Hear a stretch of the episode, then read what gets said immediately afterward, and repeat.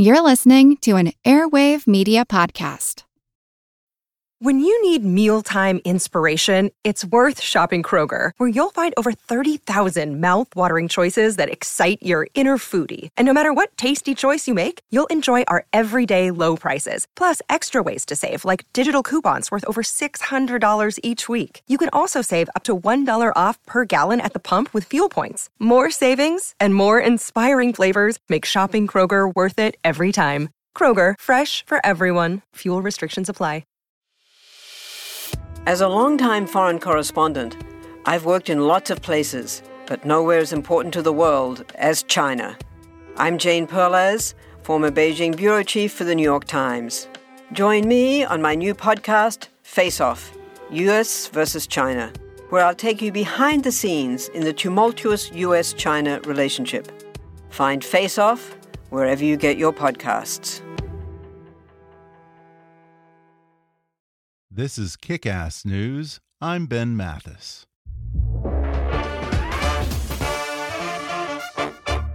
With all the stresses of life, it can be easy to lose perspective on what really matters. But Heineken believes that life is about being with friends and opening yourself to new experiences. Because when you live spontaneously and embrace the unexpected, it's a chance to create new stories and connections. You just have to open it. So enjoy a refreshingly cold, full bodied Heineken lager today. With its deep golden color, light fruity aroma, mild bitter taste, and a crisp, clean finish. Cheers! And now, enjoy the podcast. Hi, I'm Ben Mathis. Welcome to Kick Ass News.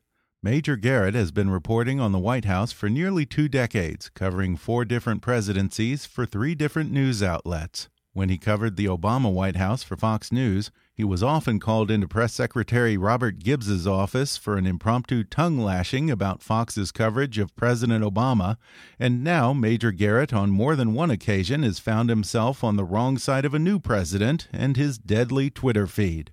But if he thought that his distinguished journalistic career had prepared him for the unique challenges of covering Donald Trump, he was in for a surprise. Like many others in Washington, Garrett has found himself having to unlearn many of his own settled notions about the nature and function of the presidency and separate the carnival like noise of the Trump presidency from its underlying substance. He writes about the experience in a new book titled Mr. Trump's Wild Ride The Thrills, Chills, Screams, and Occasional Blackouts of an Extraordinary Presidency. And today, Major Garrett joins me on the podcast to talk about his strange first encounter with the man who would become president and the craziest 11 days he's ever experienced covering the White House. He discusses the many ways in which the president is his own worst enemy, how the president's failure at health care reform led to his success on tax reform, and when it was all said and done, the president learned absolutely nothing. He shares some of the reasons why many Republicans have said no thanks to a job in the Trump administration, why the Brett Kavanaugh confirmation is a must win for Donald Trump, and why he believes we're witnessing a transformative presidency, the effects of which, for better or worse, could last for generations. Coming up with CBS News White House correspondent Major Garrett in just a moment.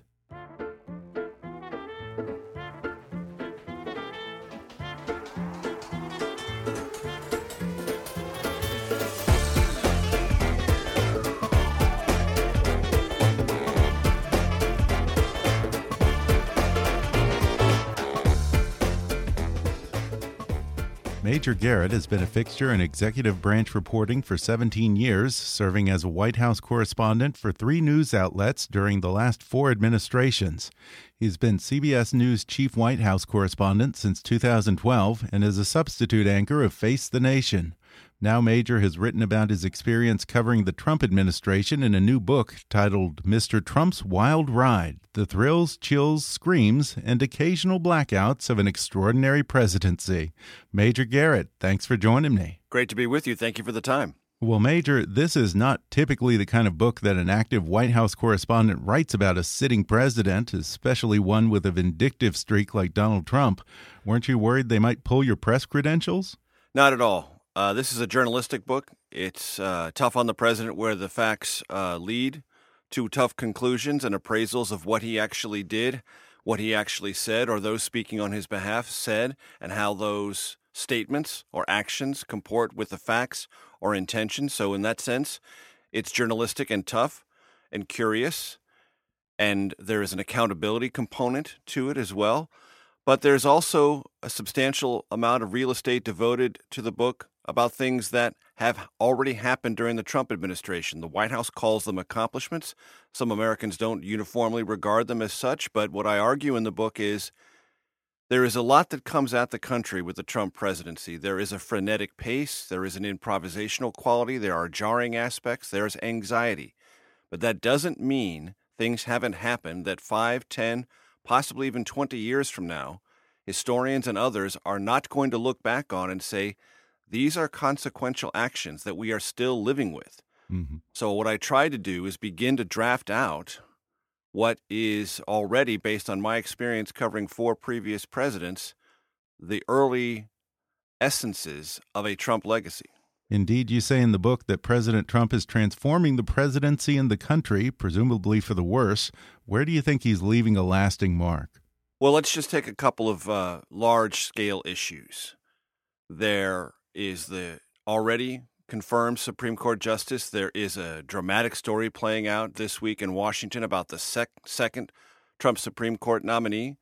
If there are two confirmed, or there is a huge clash over this attempt to confirm Brett Kavanaugh and another one, still two Supreme Court justices in a first term would be a large and significant mark left by any president, certainly by President Trump, if that's what happens. If you look at the appellate court justices confirmed in the first year, 12, and then nearly that many already in the second year, that's a substantial alteration of the appellate courts and the federal bench. That's big.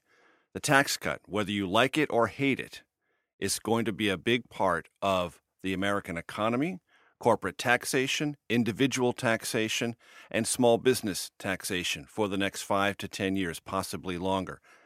And if you look at what I consider one of the most significant yet undercovered stories of the Trump presidency, it's what's happened in the regulation sphere mm-hmm. of the mm-hmm. federal government. I argue in the book that President Trump is the most aggressive deregulatory president since Ronald Reagan and more successful in a shorter period of time if you consider repealing regulations a success. Not all Americans do, but if you do, more successful in a shorter period of time than Ronald Reagan. The country will be living with those regulations that no longer exist and the or- orientation to future regulatory actions that this administration has completely blunted. Yeah. Just taking those three are significant, but we'll just add one more immigration, enforcing it to the hilt and changing the entire global perspective on America on the question of what is its orientation, both in conversation and in law, to immigration. Whether you love those changes or hate them, they're pretty sizable. And with regard to deregulation, from where I stand, I, will be honest with you, Major. I don't know if deregulation is a deliberate priority for President Trump or if it's just a byproduct of the systemic dysfunction he's created and simply a matter that nobody's minding the store in so many cases. What do you think? Oh, I think there is something uh, systematic about it. Certainly, and I outline this in the book, and I have an entire chapter devoted to deregulation not the sexiest of topics for a journalist or a historian or political science scientist to attempt to tackle, but I thought it was important enough that it required a chapter to at least discuss and begin to scratch the surface of it.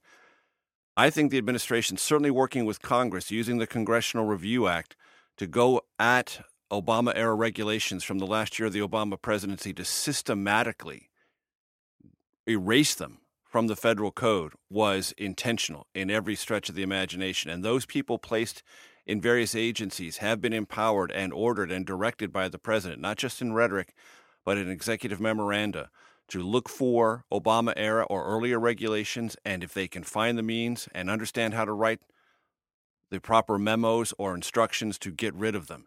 You've seen that at the EPA. You've seen that at the Interior Department, to name just two. But it's also happened at Health and Human Services some changes to the Affordable Care Act, otherwise known as Obamacare, that could not be carried out legislatively. They have sought the refuge of regulatory actions or inactions or recalibrations or redescriptions of things that had been existing as something that was carried out by Health and Human Services.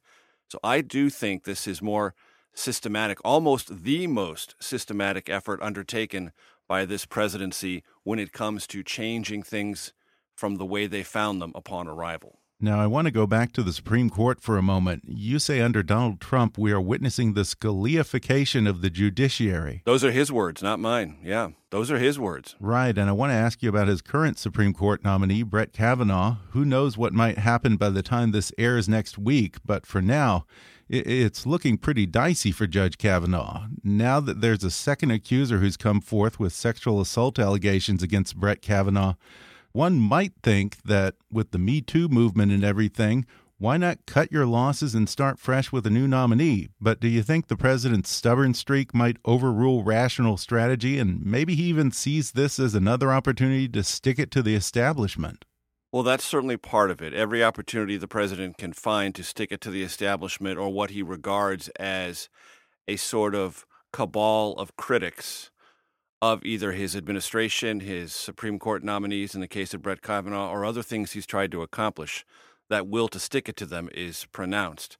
But I would say there is something that the White House would regard as rational about sticking with Brett Kavanaugh and sticking with a process that no matter how many fits and starts and no matter how much short term political damage is incurred or suffered, getting a second Supreme Court nominee on the bench before the midterm elections, if at all possible, is something close to an imperative because the reach of a sitting Supreme Court justice, especially one who replaces Anthony Kennedy, could be significant and significant in terms of the president's own approach to reelection.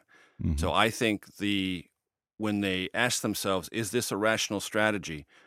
The White House knows these are already turbulent midterm political waters. Mm-hmm. Kavanaugh has made them a little bit more so. But they ask themselves, are they really going to get any calmer if we pull this nomination? Not in the slightest. Yeah. And if we pull it, how much more of a heavy lift will the beginning of that process all over again be and to what into what kind of Senate majority or minority might that nominee land? I think the the impetus right now, and I use those words guardedly because things shift dramatically inside the Trump White House on a dime. But right now, the impetus appears to be lock arms, if you can find the votes, get them, confirm Kavanaugh, despite all of the potential short term political risk. Well, Major, I want to take a minute to go back to the election. Prior to that moment, I suppose that there was no particular reason why you and Donald Trump's paths would have crossed. So, when did you first have a direct encounter with him? August, early August of 2015 in Birch Run, Michigan. Okay. It was after the first debate, the one in Cleveland, and it was clear to us that the Trump phenomenon was something we needed to start paying attention to. And after that first debate and some of the public reaction to it, both positive and negative, it was clear he was a, to use a cliche, a lightning rod already. And we needed to take a look at that up close. So I traveled out to Birch Run, Michigan. It wasn't even a Trump rally, a Trump campaign rally.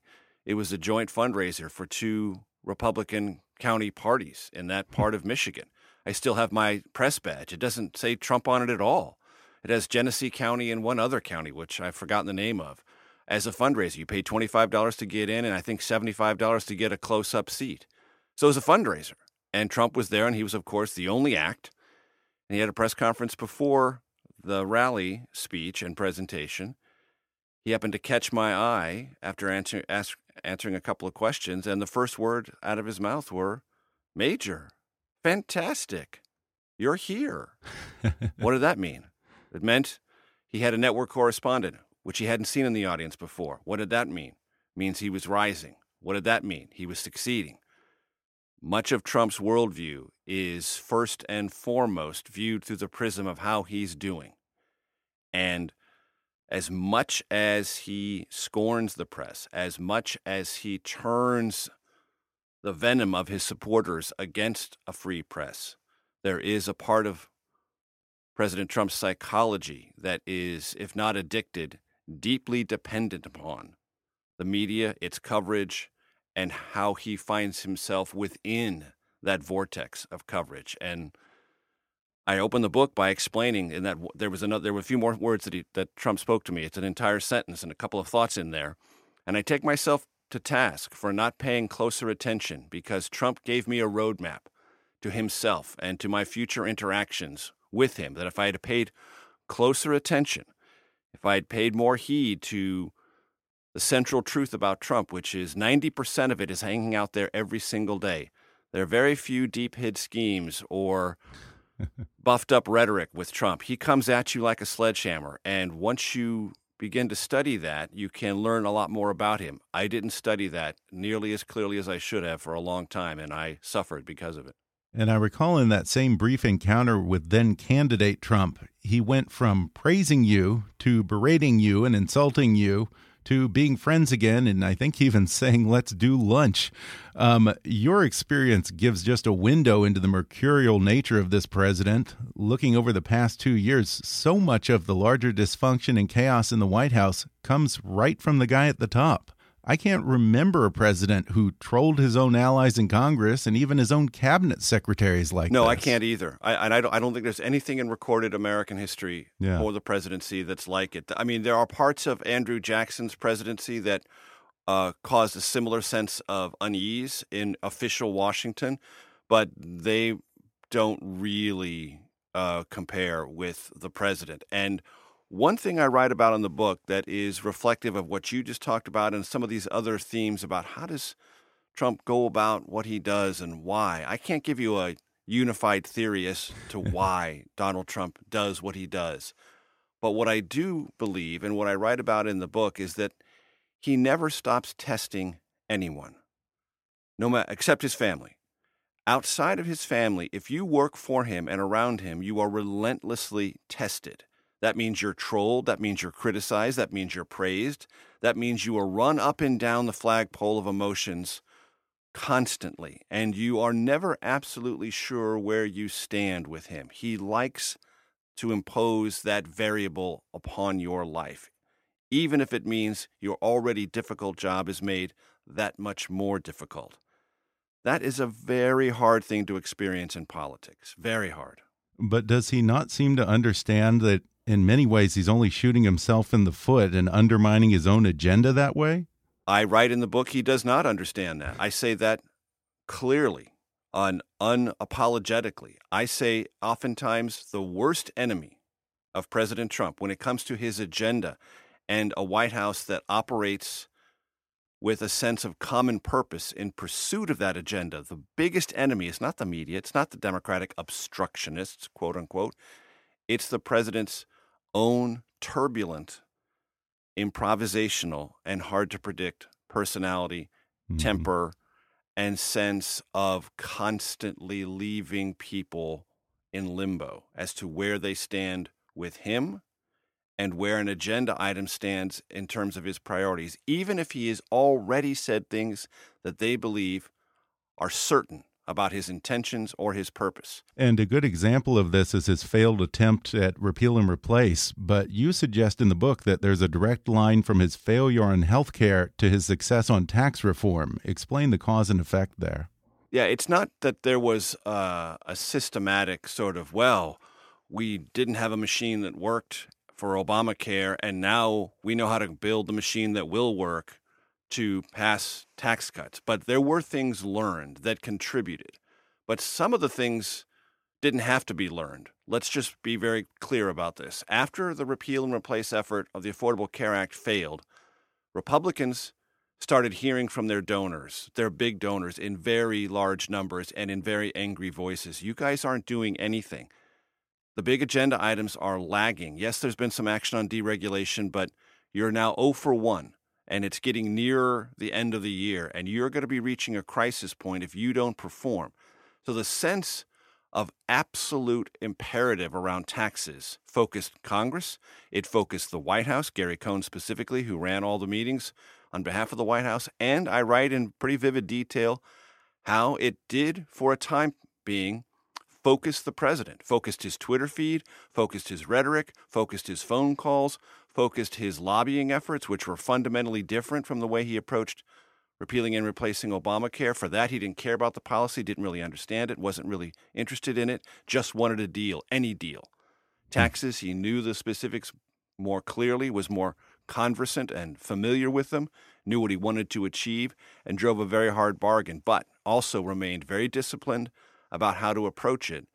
And so those things all sort of came together to create passage of the mm-hmm. the uh, tax reform and tax cuts. And then I say after that, did they learn enough to apply this elsewhere? Absolutely not. We're going to take a quick break, and then I'll be back with more with CBS White House correspondent Major Garrett when we come back in just a moment.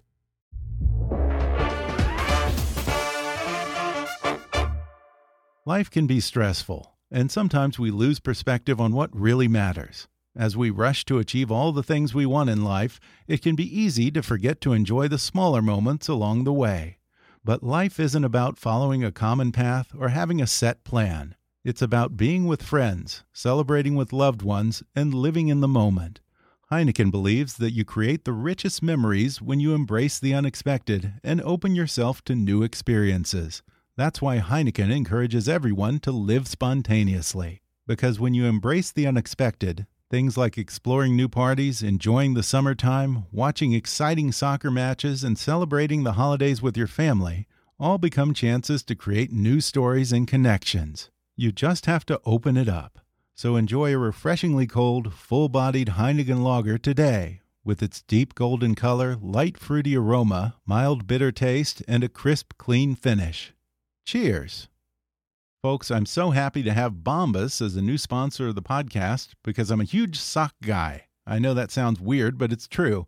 Everyone who's been on the show knows I always have some funky socks on my feet. Not funky as in smelly, but funky as in fun colors, whimsical, fashion forward, but also functional and comfortable. And as a sock connoisseur, let me say that nobody makes a better sock than Bombas.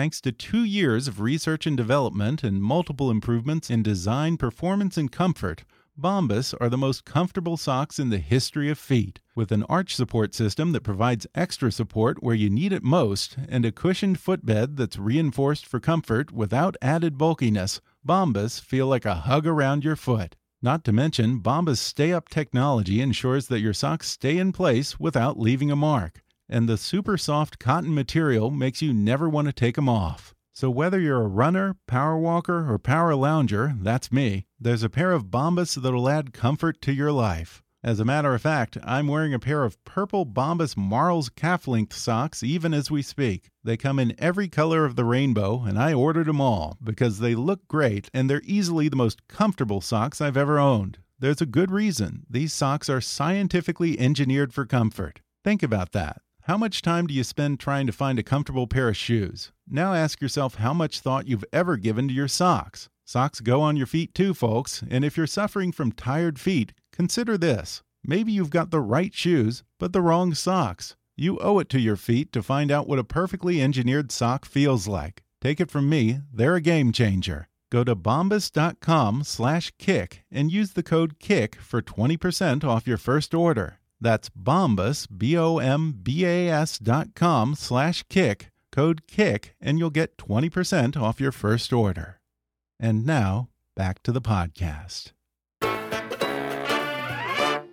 What I find hard to understand is he did this victory lap on tax reform and promptly reverted back to the same dysfunction that killed health care.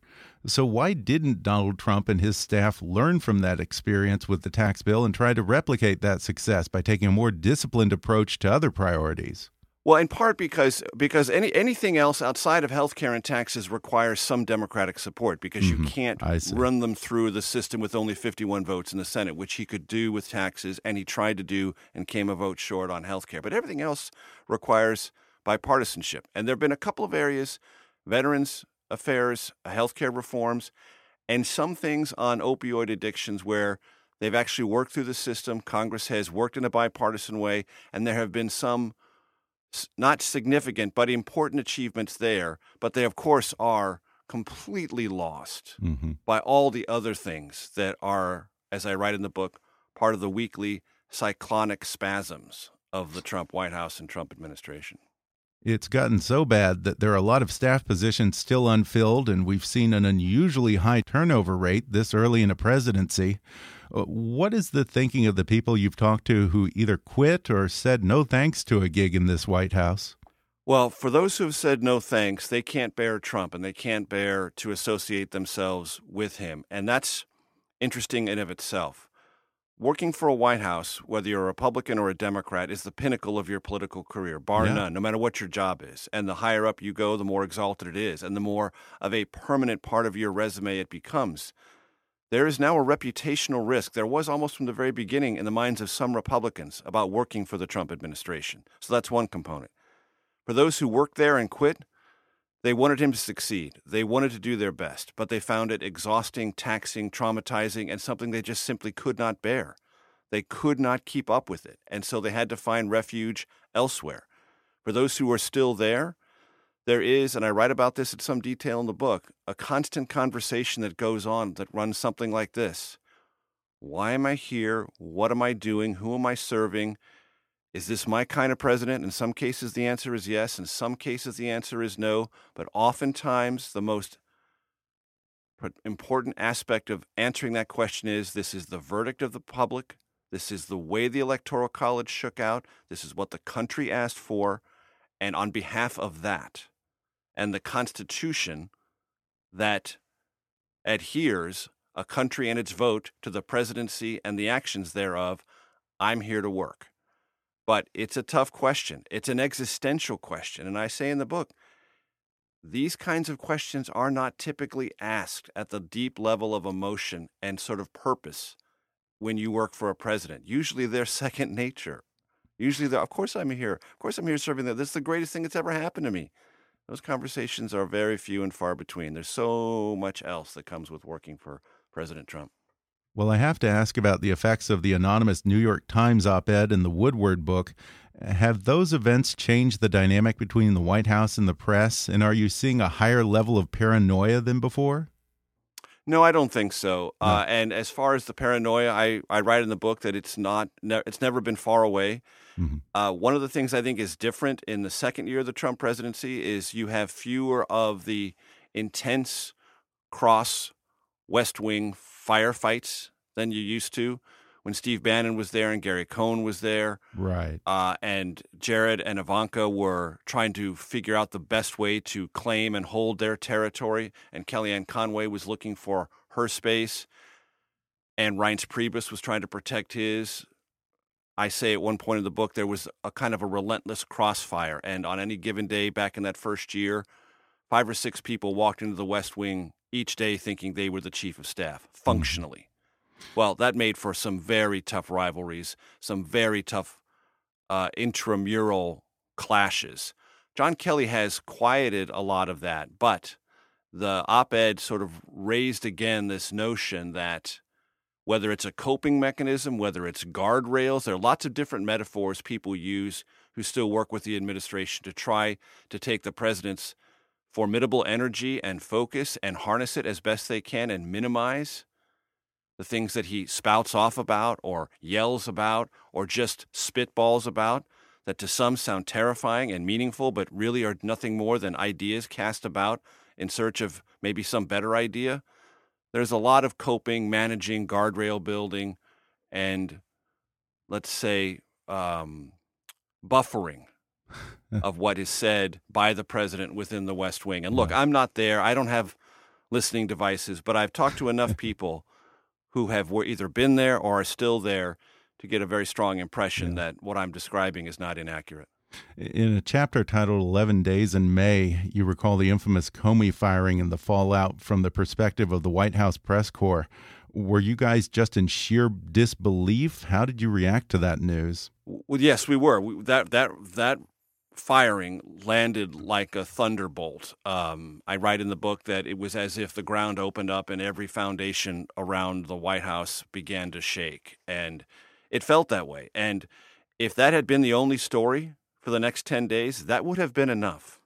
The firing of, of an FBI director who was overseeing an investigation into a malevolent foreign nation possibly meddling and or interfering in a just concluded presidential election. I think you and I would agree that would be enough for 10 days. But it was only a fraction of what was to come. Let's just trip through memory lane quickly. There was the Comey firing, then the conflicting explanations from the White House, then the president telling NBC Russia investigation had something to do with it. Then there was a meeting in the Oval Office with two top Russian officials, uh, foreign minister and the top ambassador of the United States. They're yucking it up. In that meeting, Trump says something about firing Comey, calls him a nut job, says he's in the clear now, or some words Yeah. to that effect. Then there's a story about him possibly leaking classified information. Maybe it was just sensitive, but maybe he shouldn't have been talking about it under any account. Then forceful denials from the White House. Oh, then it was Israel's intelligence. Did that get us off track with a long-standing ally? Oh, then there was a North Korean missile launch, ballistic missile launch, and a North Korean hack. Then the president says something about possibly having tapes on James Comey. I'm only about seven days in the 10 days in May, and I'm already out of breath. And I was back then, completely out of breath. The, the Yeah. sense that all this was coming at us with such tremendous velocity, such tremendous importance, and so different than anything we had seen coming and being described about the inner workings of a White House. When I think back on those days, I'm literally amazed I got through them just because it felt so helter skelter, so uneven. And I write in the book, uh, physically exhausting and emotionally traumatizing.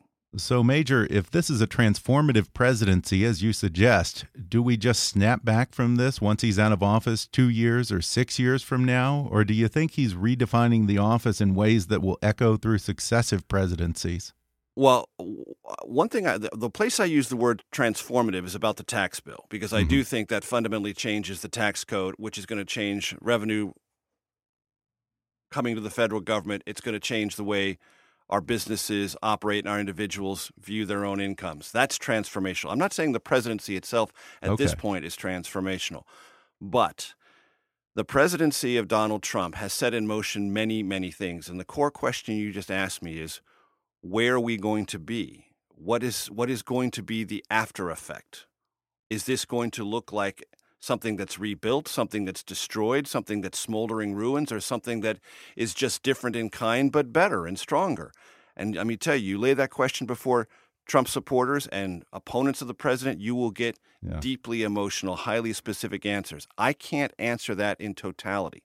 But one thing I can say with absolute clarity this presidency has reanimated eh, eh, or animated a conversation in our country about institutions, not just the fourth estate, not just the press corps, but the courts, the Congress, state legislatures. What are our institutional bulwarks? How do they function? Who populates them?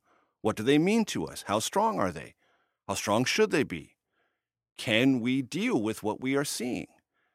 These are the kinds of questions we haven't really asked ourselves since the second term of Richard Nixon's presidency. And I'm not suggesting that impeachment or anything of that kind is in the offing. It very well might be. I don't know. What I do know is long before that's even begun, if it is to begin, we've been asking these kinds of questions Yeah. about what is our republic made of, what are our institutions made of, how strong are they, and what are we doing either to fortify them or to change them to reflect this new president because Trump supporters think some things need to be changed and pretty big and they wanted him to knock things over.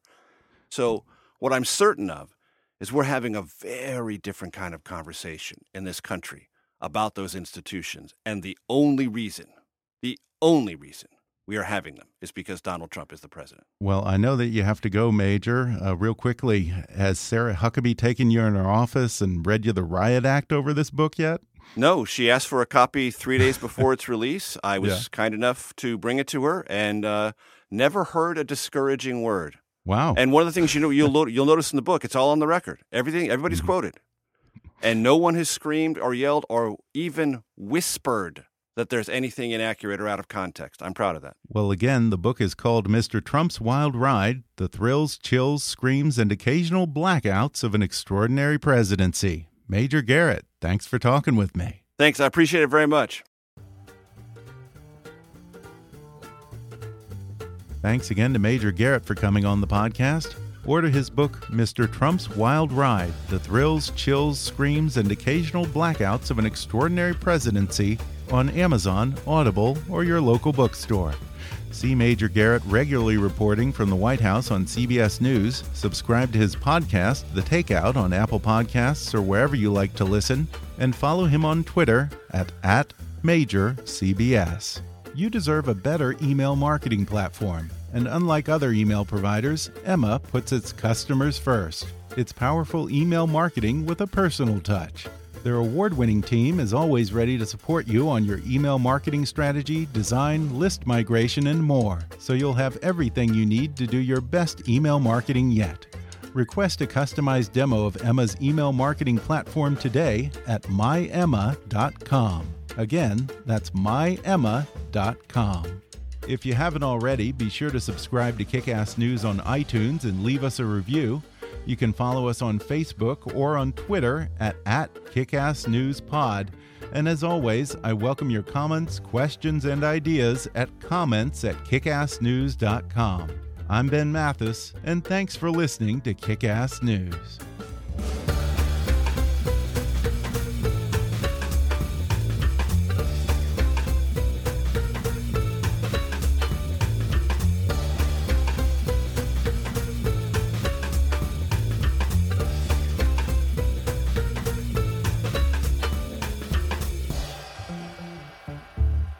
Kickass News is a trademark of Mathis Entertainment, Inc.